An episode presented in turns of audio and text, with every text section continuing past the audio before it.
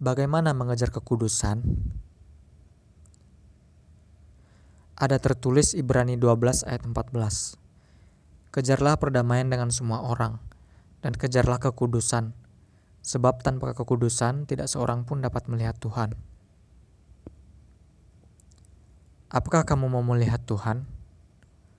Jika kamu menjawab iya, maka kamu harus mengejar kekudusan seperti yang tertulis.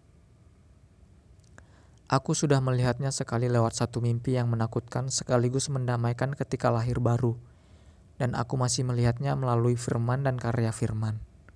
Dan aku akan melihatnya secara langsung di surga nanti. Pertama-tama, apakah arti kekudusan? Kekudusan dasar katanya adalah kudus, sinonimnya suci, keramat.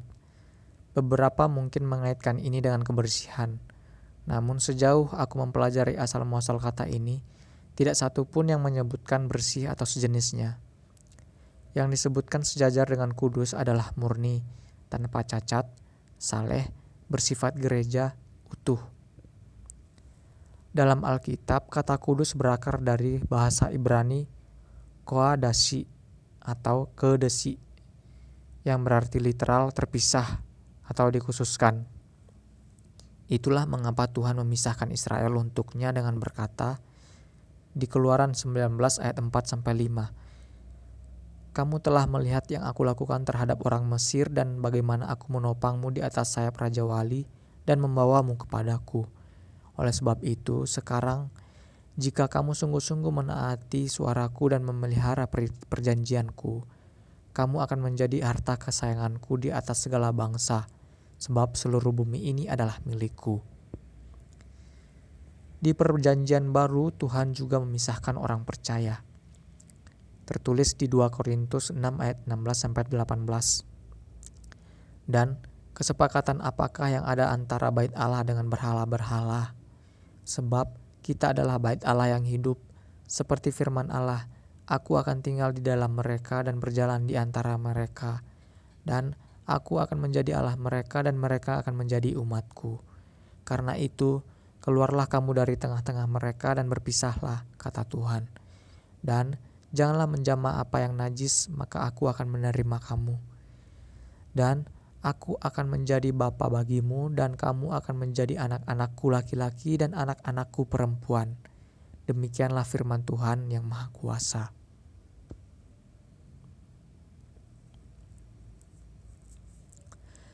Ada kemungkinan bahwa kudus pada umumnya dikaitkan dengan bersih sebab hukum Taurat sangat menekankan kebersihan bersifat fisik ketika diberikan kepada bangsa Israel melalui Musa. Namun, kita sebagai manusia gagal melihat bahwa hukum Taurat yang sama juga menekankan keadilan, kebenaran, kesetiaan, ketaatan, melakukan kebaikan, hal-hal yang bersifat mental alias tanpa fisik. Bahkan sang anak menyorot kegagalan ini ketika dia ditegur saat bersentuhan dengan para pendosa dan tidak mencuci tangan sewaktu makan. Tertulis di Lukas 7 ayat 36 sampai 50, Lukas 3 Lukas 11 ayat 37 sampai 41.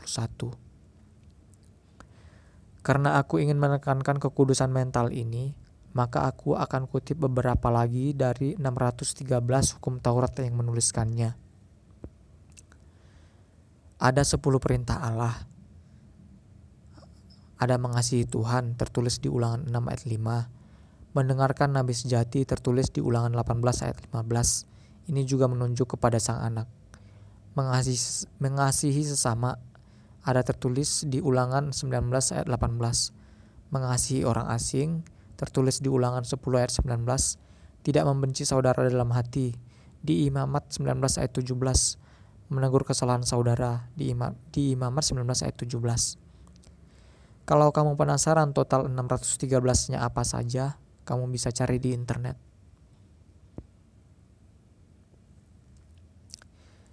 Adalah sesuatu yang menarik bagaimana sang nabi juga mendorong untuk melakukan atau mengajarkan 613 perintah ini. Tertulis di Matius 5 ayat 19. Perhatikan bahwa tidak dikatakan adalah kewajiban untuk melakukannya seperti di zaman Musa. Karena terbukti Israel kuno pun tak sanggup melakukan semua 613 perintah ini. Kalau kamu meniadakannya, kamu akan disebut terkecil di kerajaan surga. Masuk surga saja aku sudah sangat bersyukur.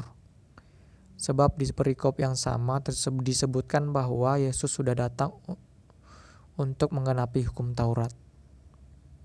Ini berarti di dalam dia semua sudah tergenapi termasuk kekudusan. Jadi, kita tak harus menggenapi semua 613 perintah selama kita adalah satu dalam dia. Tertulis Yohanes 17 ayat 20 sampai 26. Intinya, dia adalah benar, kudus, setia, ilahi. Maka kita juga benar, kudus, setia ilahi dalam dia. Hak ini diberikan hanya untuk mereka yang beriman kepadanya. Ada tertulis di Roma 5 ayat 1 sampai 2. Oleh sebab itu, Sejak kita telah dibenarkan melalui iman, kita berdamai dengan Allah oleh karena Tuhan kita Kristus Yesus. Melalui Dia, kita juga memperoleh jalan masuk melalui iman kepada anugerah ini, yang sekarang di atasnya kita berdiri dan kita bersuka cita dalam pengharapan akan kemuliaan Allah. Ada tertulis Yohanes 5 ayat 24. Sesungguhnya aku mengatakan kepadamu, Orang yang mendengar perkataanku dan percaya kepada dia yang mengutus aku memiliki hidup kekal dan tidak masuk ke dalam penghakiman, karena dia sudah pindah dari kematian ke kehidupan.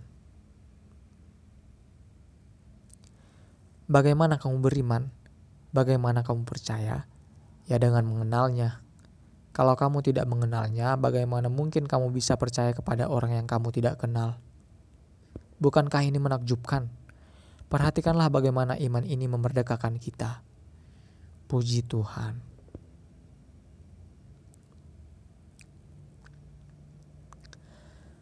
Sekarang kita kembali ke judul besar bagaimana mengejar kekudusan. Loh, bukannya kita percaya, kita yang sudah percaya sudah kudus, sebab dia kudus. Bandingkan di 1 Petrus ayat 1 sampai 16. Ya, Memang benar kita sudah kudus, dan roh yang diberikannya adalah jaminan akan penebusan keselamatan itu. Bandingkan di Efesus 1 ayat 14. Tetapi tidak disebutkan bahwa kalau kita sudah kudus berarti kita bebas melakukan hal-hal di luar kekudusan. Kalau begitu, kita sedang mendustai anugerah. Kita menjadi pembohong dalam Tuhan. Kita tidak kudus. Bukankah dia yang kudus juga taat sampai mati? Jadi, kuduslah, hiduplah kudus setiap saat, setiap hari. Inilah arti mengejar kekudusan. Bagaimana kamu mengejar kekudusan kalau kamu berhenti hidup kudus hari ini, dan besok kudus, dan besok tidak kudus lagi? Dan kalau memang benar kamu percaya kepada Yesus, maka kamu adalah sahabatnya melalui pengenalannya.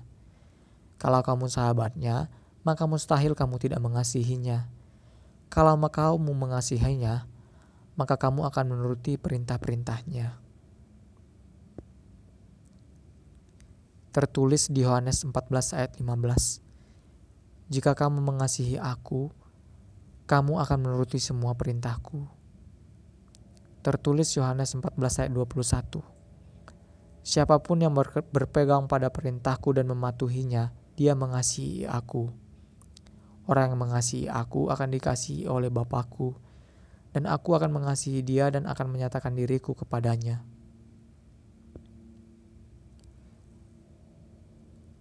Kamu pasti berpikir mustahil menuruti semua perintah Tuhan.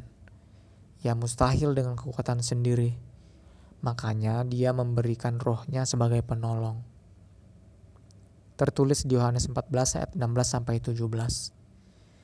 Aku akan meminta kepada Bapa dan dia akan memberikan kepadamu penolong yang lain supaya dia bersamamu selamanya, yaitu roh kebenaran yang dunia tidak dapat menerimanya sebab dunia tidak dapat melihat dia atau mengenal dia. Akan tetapi, kamu mengenal dia karena dia tinggal bersamamu dan akan ada di dalammu.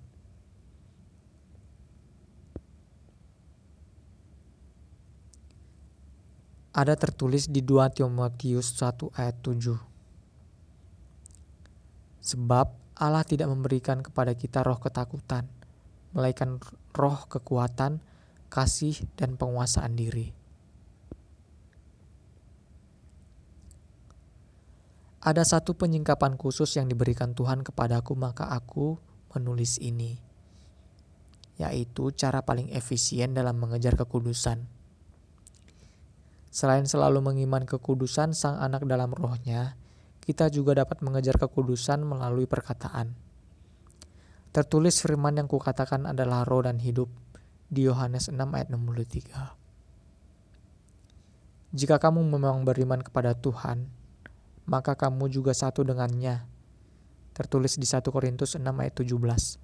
Dan ini akan terlihat dari kekudusan yang keluar dari mulutmu melalui roh atau perkataan atau firmanmu. Lihat bagaimana sang kurban menekankan ini. Ada tertulis Matius 15 ayat 10 sampai 11. Dan Yesus memanggil orang banyak dan berkata, Dengar dan pahamilah, bukan apa yang masuk ke dalam mulut yang menajiskan orang, tetapi apa yang keluar dari mulutnya, inilah yang menajiskan orang. Jadi, kejarlah kekudusan dengan berkata setelah dan Yesus.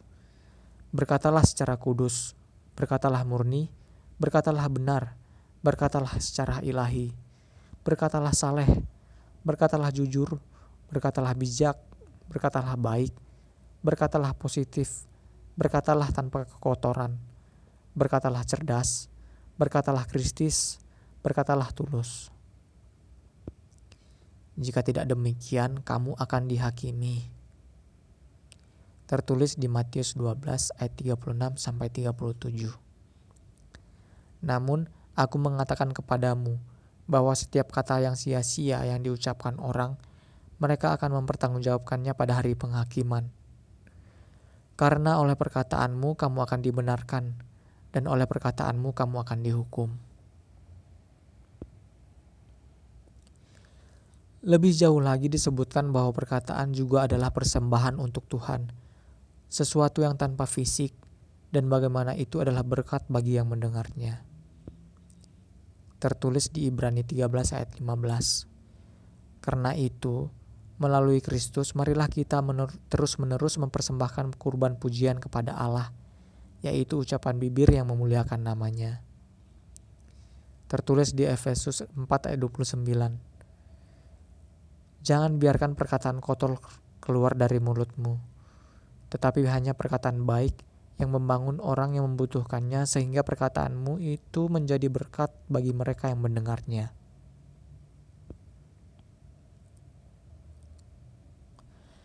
Akhir kata, semoga Sang Roh kebenaran terus bersertamu dalam mengejar kekudusan. Dalam nama Yesus, amin. Tuhan memberkatimu.